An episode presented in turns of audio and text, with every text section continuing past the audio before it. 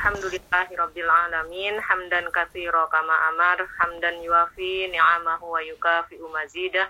Nasta'inuhu bisabri wassalah alal birri wat taqwa wa nastaghfiruh min jami'id dunub wal khataya. Wassalatu wassalamu ala asyrafil anbiya'i wal mursalin wa ala alihi wa sahbihi ajmain. Amma ba'du. Alhamdulillah, tumal alhamdulillah, tumal alhamdulillah. Uh, malam ini kita bisa bersama uh, lewat Skype ya. Mudah-mudahan uh, pertemuan ini uh, dicatat oleh Allah sebagai amal soleh kita semua. Ya, karena insya Allah yang bertemu di sini sama-sama uh, meniatkan uh, semuanya karena Allah Subhanahu Wa Taala, karena mengharap keridoannya, karena ingin mendapat mutiara-mutiara uh, hikmahnya dan mudah-mudahan Allah uh, berikan kita uh, pahala yang banyak di sisinya. Amin. salam sama-sama kita sampaikan kepada Nabi Muhammad Sallallahu Alaihi Wasallam beserta keluarga dan uh, sahabat dan sahabiat yang berjuang meneruskan risalah beliau.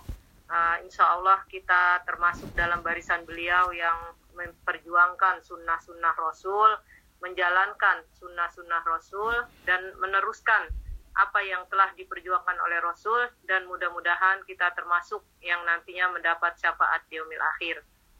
Uh, insya Allah uh, kalau kita mencoba mengenang bagaimana perjuangan sahabat, di sana pasti ada uh, keharuan tersendiri ya uh, buat kita karena betapa kuatnya mereka, betapa kokohnya mereka uh, yang menandakan bahwa akidah mereka juga uh, punya akidah yang sangat kuat ya. Karena mereka hidup pada zaman Rasul ya di mana zaman tersebut ya adalah zaman sebaik-baiknya zaman. Jadi uh, khairul kurun korni ya, kata Rasul. Sebaik-baik uh, zaman adalah zamanku. Summa uh, tali summa tali ya. Jadi sebaik-baik zaman adalah uh, zaman Rasul kemudian yang setelahnya dan kemudian yang setelahnya jadi betapa indahnya kalau kita mencoba mengkaji siroh atau perjalanan-perjalanan uh, Rasul bersama sahabat atau uh, sahabiat ya, sahabiat itu perempuan, kalau sahabat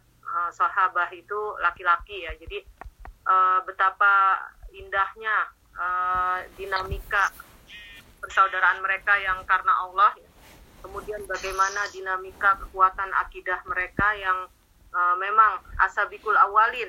Ya jadi asabikul awalin itu ya, yang pertama-tama uh, dalam dakwah ini. Ya artinya Rasul berserta orang-orang yang pertama yang masuk dalam Islam. Ya yang tentunya uh, seperti pondasi mereka itu sangat kuat. Ya baik dalam akidah dalam akhlak dalam pemikiran pemahaman dan bahkan dalam perjuangan mereka. Ya nah, kita mungkin bisa uh, mencontoh Uh, perjuangan-perjuangan mereka sehingga uh, kalaupun kita sudah berabad berabad jarak ya sudah sangat jauh dengan Rasul tetapi kita punya gambaran yang utuh ya, tentang sahabat-sahabat uh, wanita beliau ya atau sahabat-sahabat perempuan yang uh, keliling uh, beliau ya. Jadi Sofia ini adalah salah satu asabikul awalin ya, yaitu yang pertama-tama masuk Islam ya. Kalau yang perempuan sudah jelas uh, yang pertama adalah Khadijah ya. Uh, kemudian uh, setelah itu banyak beberapa uh, sahabat yang masuk Islam ya. Sahabat-sahabat uh, perempuan di antaranya Sumaya ya yang yang sampai sekeluarga itu uh, sekeluarga Sumaya Yasir ya. Uh, Amar bin Yasir ya anaknya semuanya disiksa ya. Mendapat siksaan yang sangat pedih dari kaum kafir Quraisy. Nah, uh, Sofia ini adalah uh, bibi atau anak dari Abdul Muthalib ya uh, Sofia binti Abdul Muthalib yang berarti pak uh, bibinya Rasul, ya, tantenya, ya, yaitu saudaranya Hamzah bin Abdul Muthalib yang uh, Hamzah yang mendapat julukan Asadullah, eh, singa Allah. Jadi memang uh, saudara-saudaranya uh, Sofia ini adalah orang-orang yang asabikul awal yang masuk dalam deretan pertama orang-orang yang uh, mendapat hidayah Islam Makanya tidak mustahil uh, Sofia uh, beserta saudara-saudara ini Hamzah bin Abdul Muthalib, Abbas bin Abdul Muthalib ya. Uh, itu orang-orang yang sangat kokoh ya, sangat kokoh dalam pendirian, dalam akidah dan dalam uh, kekuatan daya tahan melawan uh, kekerasan atau melawan siksaan-siksaan dari kaum kufar Quraisy ya, kaum kafir Quraisy. Uh, dikisahkan ketika uh, perang Uhud ya. Jadi ketika perang Uhud itu uh, banyak dari barisan perempuan-perempuan atau wanita-wanita muslimah yang mendampingi uh, perang Uhud ini. Artinya mereka ada di barisan yang menyiapkan makanan-makanan, kemudian mengobati yang luka-luka, ya, kemudian menjaga apa tenda-tenda untuk base camp base camp yang apa pulang dan pergi ya artinya uh, yang mungkin cedera atau apa ya dalam medan perang itu uh, benar-benar di uh, di apa di kuatkan oleh perempuan-perempuan muslimah ini di antaranya ada uh, Sofia binti Abdul Muthalib dan dari garis keturunan Sofia ini termasuk yang uh, garis keturunan Rasul ya dari uh, Ismail. Jadi memang uh, dia punya nasab yang sangat bagus. Ya. Artinya bibit bebet bobotnya pun uh, sangat bagus. Nah kemudian uh, Sofia ini ada bersama Nusaibah binti Kaab ya, yang juga uh, menjadi perisai pada perang, perang Uhud ya. Kita sama-sama tahu pada perang Uhud ini awalnya kaum muslimin menang.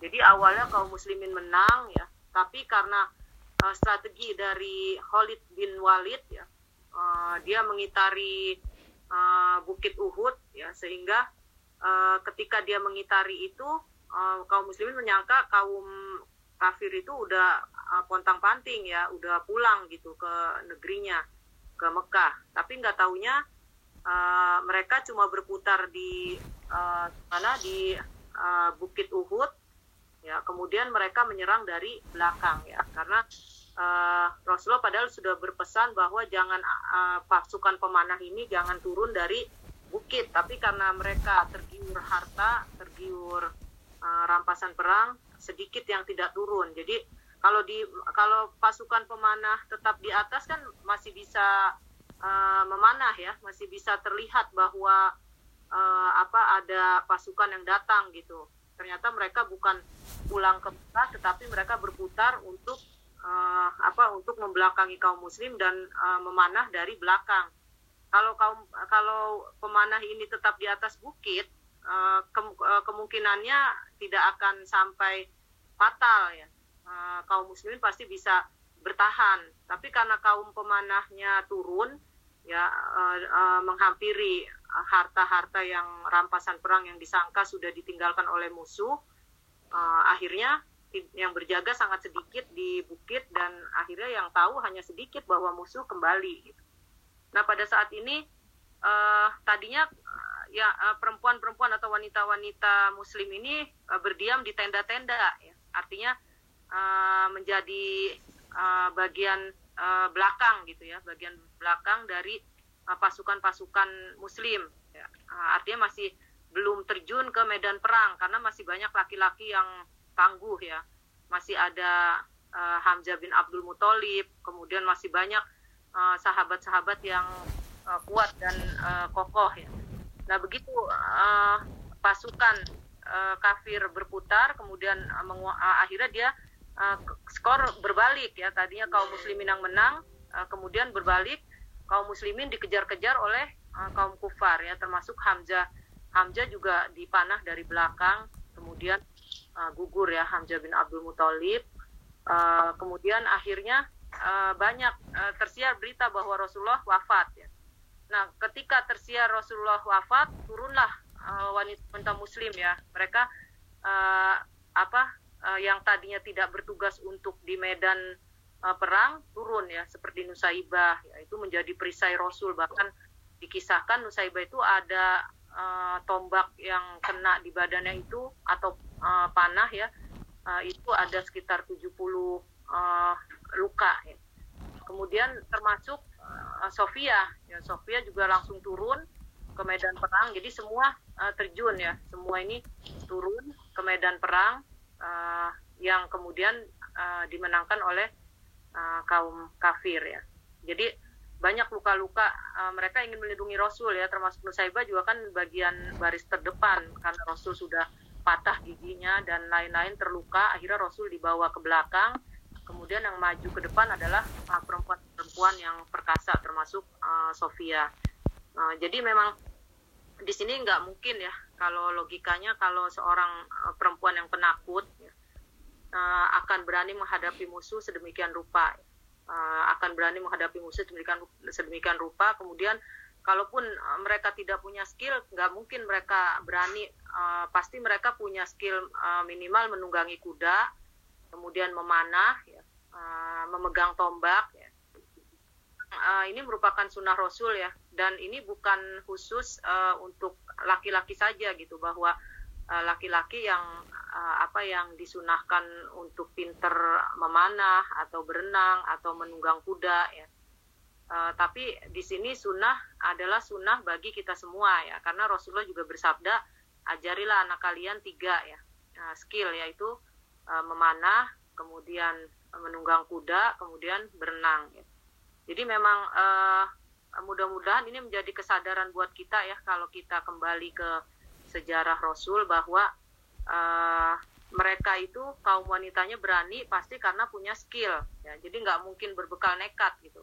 Mereka punya skill, cuma sebelum uh, apa keadaan darurat mereka tidak terjun ke medan perang. Ya, jadi yang terjun adalah laki-laki dulu ya karena memang uh, tugas perempuan uh, bukan berperang ya uh, dan dari hadis-hadis Rasul pun sebenarnya yang berjihad itu keutamaan jihad adalah untuk laki-laki. Uh, tetapi ketika keadaan mendesak keadaan darurat ya, maka di sinilah uh, boleh diturunkan atau diterjunkan atau uh, secara darurat turun dengan sendirinya ya kaum perempuan. Jadi uh, di sini banyak hikmah yang terkandung ya. Mungkin kita nanti hikmah uh, setelah beberapa kisah tentang Asma uh, tentang uh, Sofia ya. Nah kemudian ketika uh, itu Sofia itu keberanian yang pertama ya bahwa Sofia langsung menuju medan perang. Kemudian banyak yang uh, apa terbunuh oleh Sofia ya. Artinya dia melawan musuh dan dia pun uh, terkena juga luka-luka. Kemudian ya, ke, itu keberanian yang pertama. Ya uh, bagaimana seorang muslimah uh, punya keberanian yang luar biasa. Nggak mungkin kalau nggak punya iman yang luar biasa terus berani ya. Jadi memang orang-orang yang pemberani itu pasti mempunyai keimanan yang uh, kuat ya, mempunyai apa kekokohan dalam keyakinan kepada Allah. Karena bagaimana kita akan punya keyakinan kepada Allah kalau misalkan Eh, nggak uh, yakin. Misalkan dengan lampu gelap aja kita takut ya. Atau misalkan mati lampu takut atau tinggal di rumah sendirian takut ya. Atau mungkin uh, kita uh, menghadapi sesuatu yang uh, mungkin membelenggu diri kita kita masih punya ketakutan. Artinya menghadapi diri kita aja kesusahan kesusahan atau uh, uh, apa uh, penderitaan penderitaan kita belum mampu gitu ya. Jadi insya Allah wanita-wanita yang sudah uh, berani uh, ke medan perang berarti memang sudah teruji. Mereka punya nyali dan punya jiwa yang uh, kuat.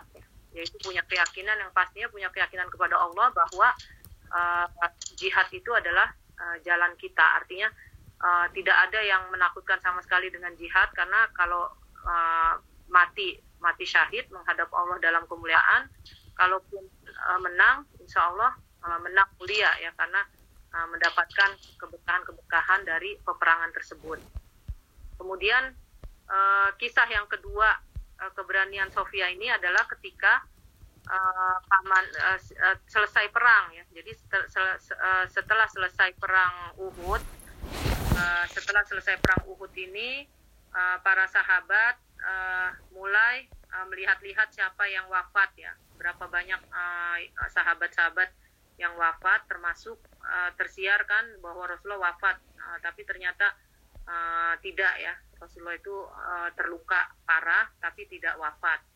Nah kemudian di antara berita yang tersiar adalah Hamzah bin Abdul Muthalib saudara uh, sekandung dari uh, Sofia. Uh, Rasulullah langsung uh, apa uh, memberitahu kepada para sahabat bahwa uh, hindarkan uh, Hamzah bin Abdul Thalib dari Sofia. Artinya Rasulullah memberikan perintah agar Sofia tidak melihat jenazah uh, atau mayat dari Hamzah bin Abdul Thalib yang saudaranya ya, karena keadaannya sangat parah ya. uh, keadaannya sangat parah Hamzah itu ibaratnya kalau mau diistilahkan sekarang benar-benar dibantai sudah jadi mayat pun di mayatnya tidak diperlakukan dengan baik ya. padahal dalam Islam uh, tidak boleh seperti itu ya. Adab-adab dalam berperang itu uh, diatur oleh syariat Islam. Sementara keadaan Hamzah memang sangat mengerikan ya. Uh, terutama kan badannya dicabik-cabik artinya dibelah ya. Entah dibelah berapa ya yang jelas hatinya dikeluarkan. Kemudian hatinya dicabik-cabik dikunyah oleh Hindun ya. Kemudian kupingnya juga dipotong hidungnya dipotong ya artinya di, tidak dimanusiawikan gitu. Jadi memang uh, sudah ada contohnya ya naudzubillah gitu. Uh, kalau kita mungkin mendengar Yahudi laknatullah uh, menyiksa uh, Palestina ya rakyat Palestina dengan sedemikian rupa zaman dulu pun telah, telah terjadi seperti itu gitu. Mayatnya saja masih ditakuti artinya mayatnya aja masih uh, dikhawatirkan ya artinya sampai dibuat seperti itu ya. Artinya naudzubillah biadab ya. Uh, jadi memang uh, sampai kan kalau kita tahu ya uh, sejarah Imam Hasan Albana di Mesir itu padahal uh, Imam Hasan Albana ketika ditembak ya dia kan muasis dakwah penggerak dakwah di Mesir ya pergerakan di Mesir itu dia sudah tidak berdaya ditembak ya tapi masih ditakuti gitu dalam keadaan dia sakarat sakaratul maut semua orang yang eh, musuh-musuh Islam itu masih takut terhadap uh, beliau ya sampai wafatnya benar-benar uh, diyakinkan wafat enggak gitu jadi itulah tanda-tanda uh, kebenaran uh, atau tanda-tanda perjuangan uh, mujahid di jalan Allah ya bahwa uh, hidup uh, matinya saja menakutkan apalagi hidupnya gitu. Jadi memang inilah sunatul dakwah, sunatullah ya bahwa uh, setiap perjuangan pasti punya konsekuensi ya. Jadi memang uh, kehidupan kita apa pun pilihan kita dalam hidup ini pasti punya uh, konsekuensi ya dan hanya orang-orang yang punya uh, iman yang kuat hanya orang-orang yang punya iman yang yakin, yang kokoh kepada Allah yang uh, tidak pernah main-main dengan kehidupan ya. Artinya uh, berusaha sungguh-sungguh walaupun bukan berarti harus uh, apa harus saklek gitu, harus uh, jadi tegang ya menghadapi hidup enggak ya. Artinya kan Rasulullah juga mengajarkan kepada kita uh, saatan-saatan ya. Artinya saatan itu sesaat-sesaat ya. Boleh ada kalanya kita uh, apa uh, bahagia bersama keluarga ya dengan suami dengan istri dengan uh, keluarga ya ada saatnya kita uh, apa ber uh, uh, apa ber husuk-husuk kepada Allah ya kemudian ada saatnya juga kita sungguh-sungguh ya bahwa uh, perjuangan atau uh, kita baik dalam menuntut ilmu dalam uh, mencari apa maisha ya mencari kehidupan dalam menjalani kehidupan ini emang bukan main-main gitu. Artinya semua punya konsekuensi. Jadi kita tahu kalau kita melakukan A konsekuensinya seperti ini, kalau melakukan B konsekuensinya seperti ini. Begitupun ketika kita uh, apa uh, mencoba uh, mengenal agama kita, maka konsekuensinya kita bukan orang yang main-main uh, lagi ya. Artinya ketika kita sungguh-sungguh dalam menjalankan agama Islam ya konsekuensinya kita benar-benar menjadi orang yang harus istiqomah ya nggak boleh mut-mutan ya mut artinya mut mudi ya kalau lagi mau beriman ya beriman. Kalau lagi nggak mau beriman ya nggak beriman ya. Artinya kalau lagi mood sholat ya sholat. Kalau lagi nggak mood sholat nggak mood gitu ya. Kalau lagi ada masalah kita kembali kepada Allah. Kalau nggak ada masalah uh, kembali kita maksiat kepada Allah. Jadi bukan seperti itu kehidupan yang diminta oleh Allah Subhanahu Wa Taala ya. Apalagi uh, saya yakin kehidupan di negeri orang kan tidak seperti di negeri kita sendiri ya uh, alhamdulillah uh, saya mengalami kehidupan atau hidup di luar itu kurang lebih 10 tahun ya.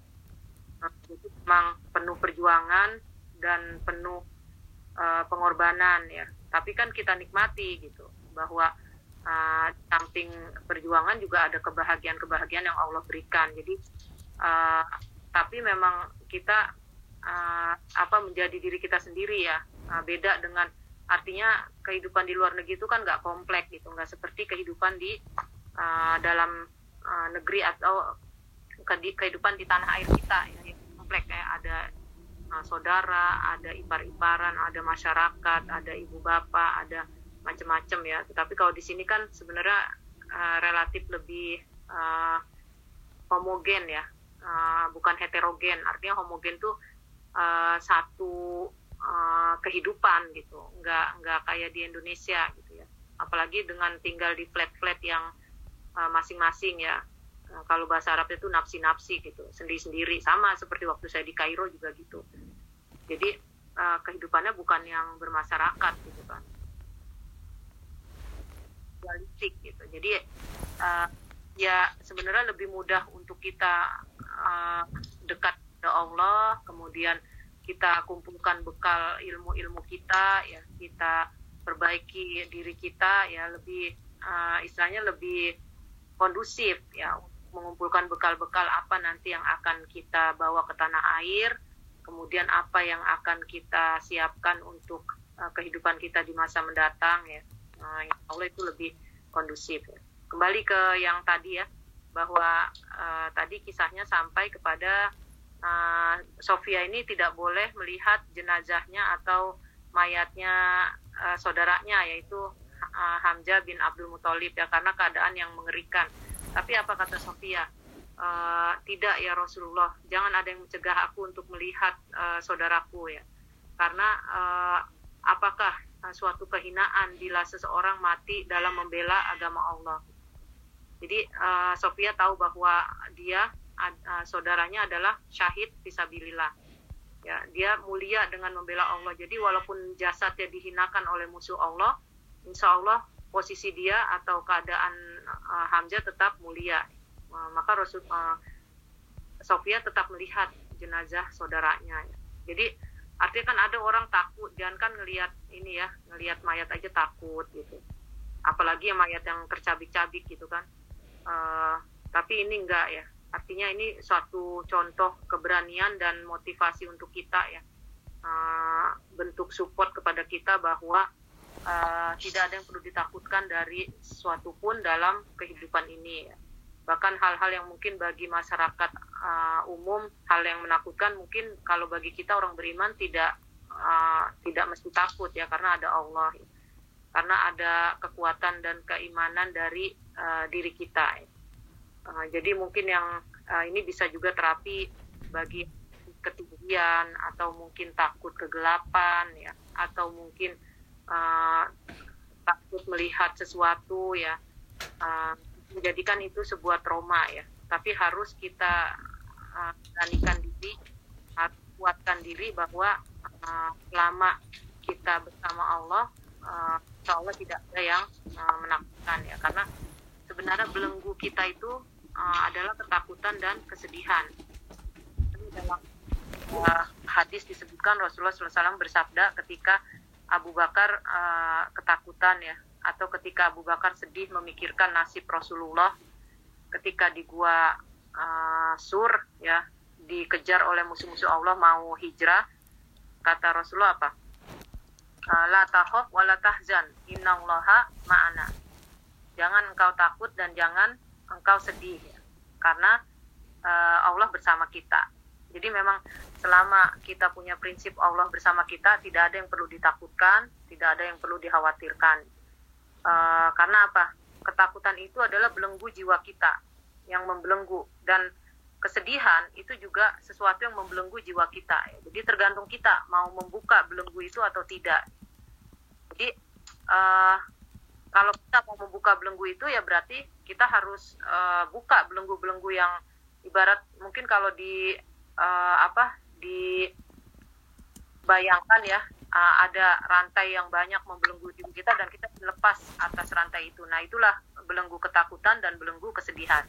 Kenapa dua ini musuh kita dalam kehidupan? Yang pertama ketakutan ya. Takut itu akan masa depan. Jadi jangan sampai kita kaum muslimah yang punya keyakinan kepada Allah takut terhadap masa depan jadi takut itu terhadap masa depan, sedih itu terhadap masa lalu. Ya, nah ini dua belenggu yang selalu uh, membayang-bayangi kita. Ya. Kita takut kadang uh, ada yang misalkan bayangannya pengen uh, apa nikah umur 25 gitu eh toto sampai 20 sampai 29 bahkan sampai 30 belum nikah itu kan ada ketakutan ya nanti kita saya dapat jodoh ya nah itu belenggu ya uh, kata Rasulullah la takhaf wa la tahzan innallaha ma'ana. Atau ada yang mungkin anaknya uh, maunya tiga aja atau maunya empat atau hamil lagi ya kaget. Dan ini uh, juga merupakan ketakutan ya ketakutan uh, nanti gimana melahirkannya nanti gimana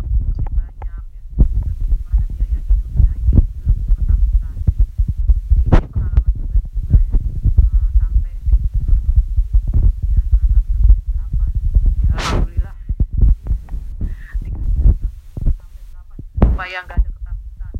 Sampai 43 itu masih hamil anak ke 8 ya, jadi alhamdulillah artinya ini tarbiyah dari Allah bahwa uh, tidak perlu ada ketakutan-ketakutan ya bahkan terhadap rezeki ya. Nanti gimana uh, rezeki anaknya ya semua anak membawa rezeki ya. Jadi uh, nggak perlu ketakutan atau nggak perlu juga sedih ya. Sedih itu akan masa lalu ya masa lalu. Misalkan uh, ya gimana ya emang orang tua saya seperti ini gitu. Uh, padahal uh, tidak ada yang salah dengan orang tua kita. Ya gimana ya saya dulunya begini. Padahal tidak ada yang salah dengan kehidupan kita yang lalu ya. Kalaupun kita ada salah kita istighfar mohon ampun kepada Allah kita ambil hikmah. Kalaupun mungkin kita uh, lahir dari ketidakberuntungan uh, insya Allah uh, tidak ada yang uh, apa tidak ada yang abadi di dunia ini ya. Selalu Allah pilihkan antara bahagia sedih bahagia sedih ya. Jadi nggak ada yang mutlak kehidupan di dunia ini selalu kesedihan. Dan nggak ada juga yang mutlak kehidupan di dunia ini selalu kebahagiaan. Selama di dunia ini semua Allah pergilirkan. Nanti setelah di akhirat kehidupan abadi itulah tujuan kita ya, bahwa uh, di akhirat itulah uh, nanti kehidupan yang sesungguhnya apakah kita akan bahagia terus atau akan menderita terus. Jadi sebenarnya tidak ada yang perlu disedihkan dari masa lalu kita, dari latar belakang kehidupan kita, dari uh, apa pun kehidupan kita masa lalu ya, atau mungkin dosa-dosa yang telah uh, kita lakukan. Itu semua pasti diampuni oleh Allah Subhanahu wa taala. Jadi uh, ini sosok Sofia ini benar-benar punya keimanan yang uh, penuh ya kepada Allah sehingga uh, mampu melihat uh, seperti itu ya. Jadi memang kita harus memberanikan jiwa kita ya, menghadapi kenyataan sepahit apa pun, sesedih apa pun kita harus hadapi karena uh, itulah kehidupan kita, itulah sebenarnya ujian keimanan kita ya bahwa uh, tidak boleh ada yang membelenggu jiwa kita ya, baik ketakutan ataupun uh, kesedihan ya. Jadi nggak boleh ada kesedihan, nggak boleh ada ketakutan dalam uh, jiwa kita. Kita harus bebaskan uh, diri kita sebebas-bebasnya uh, dari rasa takut dan rasa uh, sedih. Nah itu. Kemudian uh, kisah yang kedua adalah ketika uh, ketiga ya. Tadi yang pertama ketika dia terjun uh, dalam perang Uhud, kemudian melihat jenazah Hamzah. Yang kedua, yang ketiga sejarah yang paling uh, apa? Uh, nyata da, keberanian beliau adalah uh, ketika uh, perang Hondak. Ya. Jadi perang Hondak ini kan uh, benar-benar perang uh, yang mencekam ya. Jadi Madinah itu dikepung ya oleh sekutu. Ya, jadi Yahudi semuanya kafir Quraisy bergabung jadi satu mengepung Madinah. Ya. Akhirnya kan dibikin parit, ya, dibikin parit dan pada saat itu uh, apa keadaan kita umat Islam itu emang kalah ya artinya kalau dari hitung-hitungan logika kalah ya tapi dengan izin Allah uh, Allah menangkan ya yaitu dengan adanya parit itu membantu strategi umat Islam jadi pada saat itu Rasulullah um, apa memindahkan atau uh, menempatkan perempuan-perempuan itu dalam satu benteng ya dalam satu benteng supaya tidak ketahuan musuh gitu Nah, di benteng itu ada uh, dititipkan uh, sahabat namanya Hasan. Kemudian uh, di situ bersama Sophia. Di situ anak-anak kecil dengan uh, perempuan. Jadi yang laki-lakinya semua berjaga-jaga di tepi-tepi uh, Madinah ya, yang sudah dikepung oleh musuh. Uh, kemudian yang perempuan diungsikan di benteng Madinah. Nah, di sini ada seorang Yahudi ya. Jadi ada yang tahu benteng ini, kemudian disuruh mengintai seorang Yahudi. Uh, benteng ini dijaga laki-laki nggak? Ya, kalau nggak dijaga berarti bisa diserbu gitu. Uh, kemudian uh, ada yang memata-matai seorang Yahudi ya. Kemudian Sofia ini tahu gitu ada Yahudi. Terus Sofia menyuruh Hasan ini bunuhlah Yahudi itu. Hasan ini nggak berani karena dia tahu bagaimana kekuatan Yahudi kemudian uh, akhirnya Sofia turun turun mengambil sebuah besi ya, kemudian memukul Yahudi itu sampai mati uh, setelah mati penggala lehernya gitu kan. Takutnya mati itu cuma pingsan doang gitu ya kata Rasulullah. Penggala lehernya kemudian lemparkan ke ke uh, apa ke tempat uh, Yahudi tempat musuh-musuh uh, yang menunggu yang mata-matain ini gitu. Hasan juga nggak berani aku nggak berani gitu. Akhirnya Sofia memenggal sendiri leher uh, seorang Yahudi ini kemudian dilemparkan ke tempat uh, musuh ya. Jadi musuh pun jadi takut oh ternyata benteng yang tempat perempuan ini uh, ada yang jaga gitu karena yang disuruh mata-matain pulang uh, tinggal kepalanya aja menggelinding gitu. jadi subhanallah sampai bisa berani memenggal itu kan uh, ya itu pasti punya nyali yang luar biasa ya punya mental yang luar biasa jadi uh, Sofia ini benar-benar uh, perempuan sosok perempuan perkasa dan sebenarnya kita semua perempuan harus seperti ini gitu. Ya terutama mungkin ya nggak mungkin kalau sekarang kita nggak perang ya. Kalau sekarang nggak perang tapi yang di Palestina tuh udah jelas ibu-ibu uh, di Palestina itu tidak takut punya anak banyak. Ada yang punya anak 12, ada yang 13, ada yang 10 ada yang lima dengan harapan uh, uh, mereka akan menyumbangkan anak-anak mereka untuk uh, jihad di jalan Allah. Ya jadi uh, kemudian akhirnya uh, kalau untuk kita ya mungkin hikmah dari ke, uh, semua cerita dari Asma ini yang kita ambil adalah uh, bagaimana keberanian Asma untuk uh, menjadi terdepan di antara wanita-wanita ya. Jadi uh, memang kita harus Eh, berusaha ya mungkin kalau kita bukan lagi berperang tapi menjadi wanita muslimah menjadi istri solihah ya menjadi ibu bagi anak-anak kita ya mentarbiyatul aulad jadi uh, mendidik anak. Ya sebisa mungkin kita mendidik anak adalah dengan keberanian bukan dengan ketakutan bukan juga dengan kesedihan. Jadi bagaimana gambaran seorang ibu kalau mendidik anaknya dengan kesedihan atau dengan ketakutan? Pasti mental anaknya nggak jauh seperti itu gitu.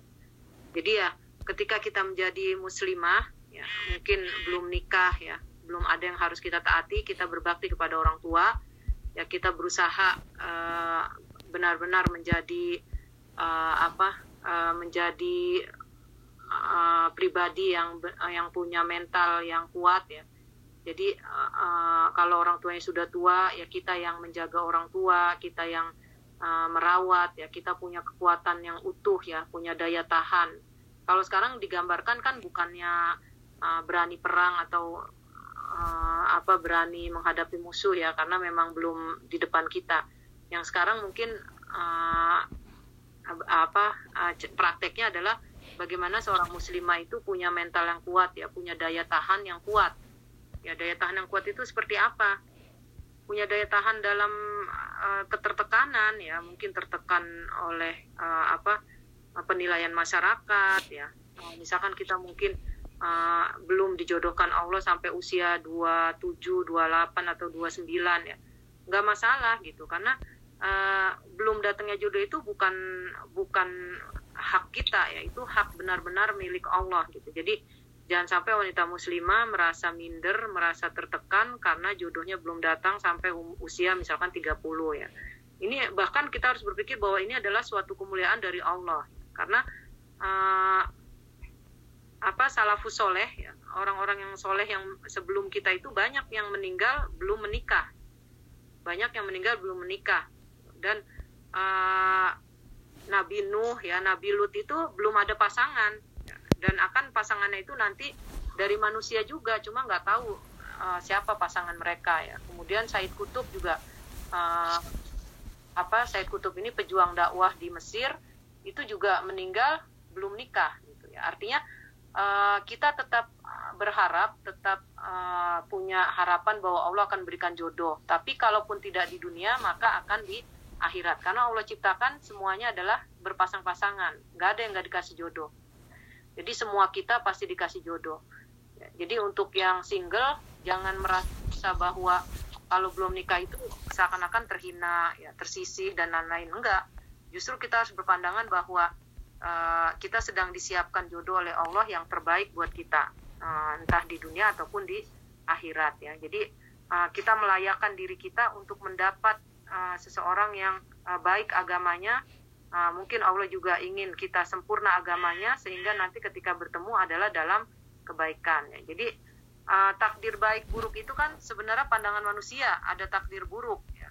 uh, misalkan kalau belum nikah sampai usia sekian apalagi usia 40 takdir buruk gitu itu bukan takdir buruk itu hanya pandangan manusia yang manusia itu terbatas pandangannya tapi kalau dari sisi Allah, semua adalah kebaikan. Ya, jadi uh, yang uh, diberikan jodoh di dunia baik, ya. yang diberikan jodoh di akhirat juga baik. Karena apa? Uh, bisa jadi di uh, jodoh kita di akhirat itu manusia-manusia terbaik. Kita nggak tahu siapa jodohnya nanti uh, Nabi Nuh, siapa jodohnya nanti Nabi Lut, siapa jodohnya nanti Said Kutub. Ya, kita nggak tahu. Siapa tahu yang sekarang dihina oleh manusia uh, sampai akhir hayat nggak menikah, tahu-tahu di surga Allah muliakan dengan jodoh-jodoh surga ya. Jadi lelaki-lelaki surga. Jadi memang uh, ini yang uh, kita sebut punya daya tahan ya. Seorang muslimah itu harus punya daya tahan. Ketika mungkin belum datang jodoh ya. Kemudian kalau ketika sudah datang jodoh diberikan Allah jodoh di dunia ya kita jalani kehidupan kita, kita jalani takdir kita dengan sebaik-baiknya ya. Kita menjadi uh, wanita yang soleha, yang taat ya, yang digambarkan oleh Rasulullah ya dalam hadis ciri-ciri wanita soleha adalah uh, ketika suaminya uh, apa uh, memerintah mentaati ya. ketika dipandang menyenangkan uh, kemudian ketika disuruh mentaati kemudian ketika suaminya tidak ada menjaga uh, harga diri atau uh, apa pun yang ditinggalkan oleh suaminya ini ciri tiga tiga ciri wanita soleha ya jadi kita termasuk di dalamnya enggak kalau kita sudah bersuami gitu. Apakah kita ketika suami kita memandang kita uh, seneng gitu ya, yang ada rasa bahagia, rasa uh, harapan yang uh, tinggi dan uh, kebahagiaan ya, atau justru ketika memandang kita makin sumpek gitu. Sebab yang ada tagihan-tagihan belanja. Tagihan-tagihan belanja, misalkan uh, mau belanja ini, mau belanja itu, mau beli ini, mau beli itu ya. Yang ada nanti suami ngelihat kita bukan uh, nyaman gitu. Justru yang ada tagihan-tagihan yang menakutkan gitu.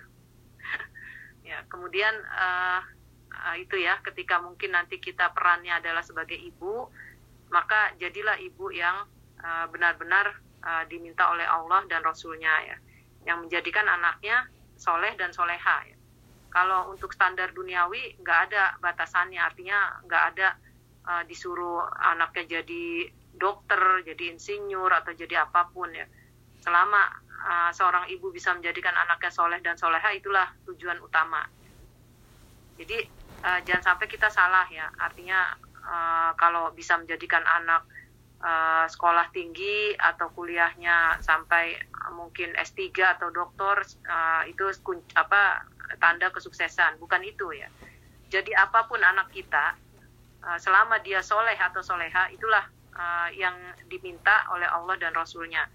Jadi sebenarnya tujuan kita mentarbiah anak, mengarahkan anak kita adalah punya keimanan yang uh, baik ya, punya mental yang baik, punya uh, jiwa yang benar-benar uh, jiwanya tangguh ya, bukan penakut, ya, bukan sedih. Ya. Uh, walaupun semua itu butuh proses ya. Kita juga kan pribadi yang tidak sempurna. Gitu tapi insya Allah kita disatukan oleh uh, Allah menjadi suami istri itu adalah untuk uh, mengadakan perbaikan di bawah generasi kita ya. jadi kalau kita tahu kekurangan-kekurangan kita maka kita perbaiki di generasi bawah kita ya artinya di anak kita uh, kita perbaiki ya jadi anak biologis ya. dan kita juga harus punya anak ideologis ya di samping anak biologis artinya anak biologis sudah jelas ya anak keturunan kita anak ideologis seperti apa? Anak ideologis itu bahwa uh, kita punya pemikiran, pemahaman jangan cukup di kita. Ya kita punya contohnya katakanlah kita tadinya nggak pakai jilbab, terus sekarang pakai jilbab. Nah dan dapat hidayahnya kita pakai jilbab jangan berhenti sampai kita kita pengen ngajak-ngajak orang yang uh, mau juga pakai jilbab gitu. atau mungkin tadinya kita sholatnya nggak rajin terus sekarang udah menemukan kunci kita sholatnya rajin. Ya jangan sampai di kita. Ya kita mau ngajak orang-orang supaya sholatnya rajin juga. Dan seterusnya ya. Mungkin uh, apa memperbaiki akhlak ya. Kemudian membersihkan hati ya. Dulu kita mungkin orangnya sombong. Terus kita paham Islam jadi nggak sombong gitu. Kita jadi uh, tawadu ya rendah hati. Karena uh, kita udah paham bahwa uh, sombong itu penyakit yang mematikan ya. Dan itulah uh, sombong itu uh, penyebab kenapa setan sampai uh, diusir dari surga ya. dan sombong itu adalah uh, penyakit yang uh, kronis ya. Nah setelah kita tahu kita nggak mau punya penyakit sombong gitu.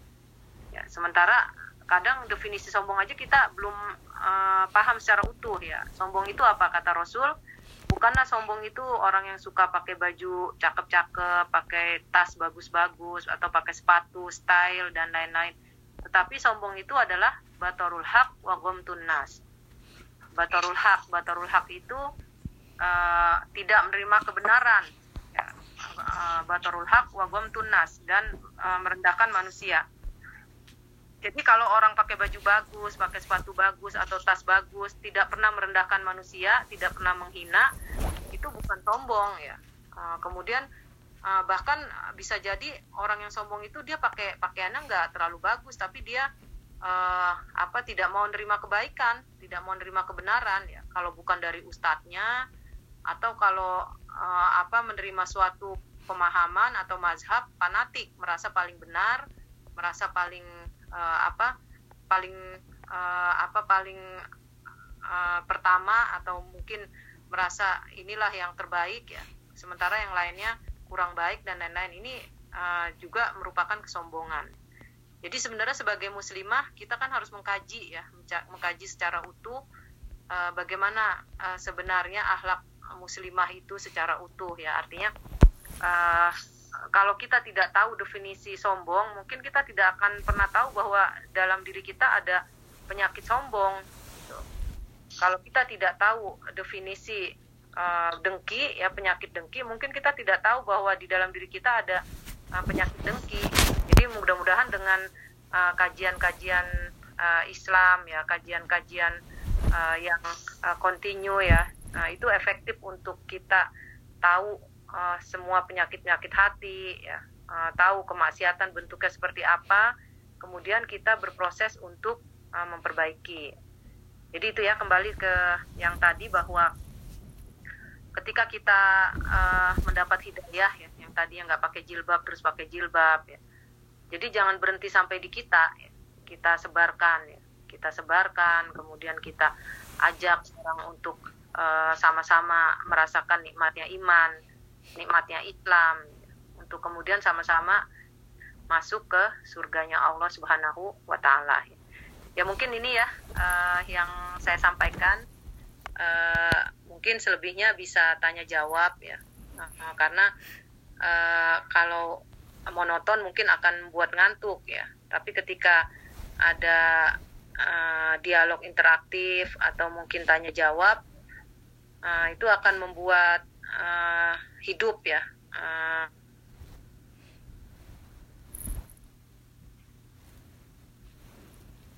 Halo Bu Lulu.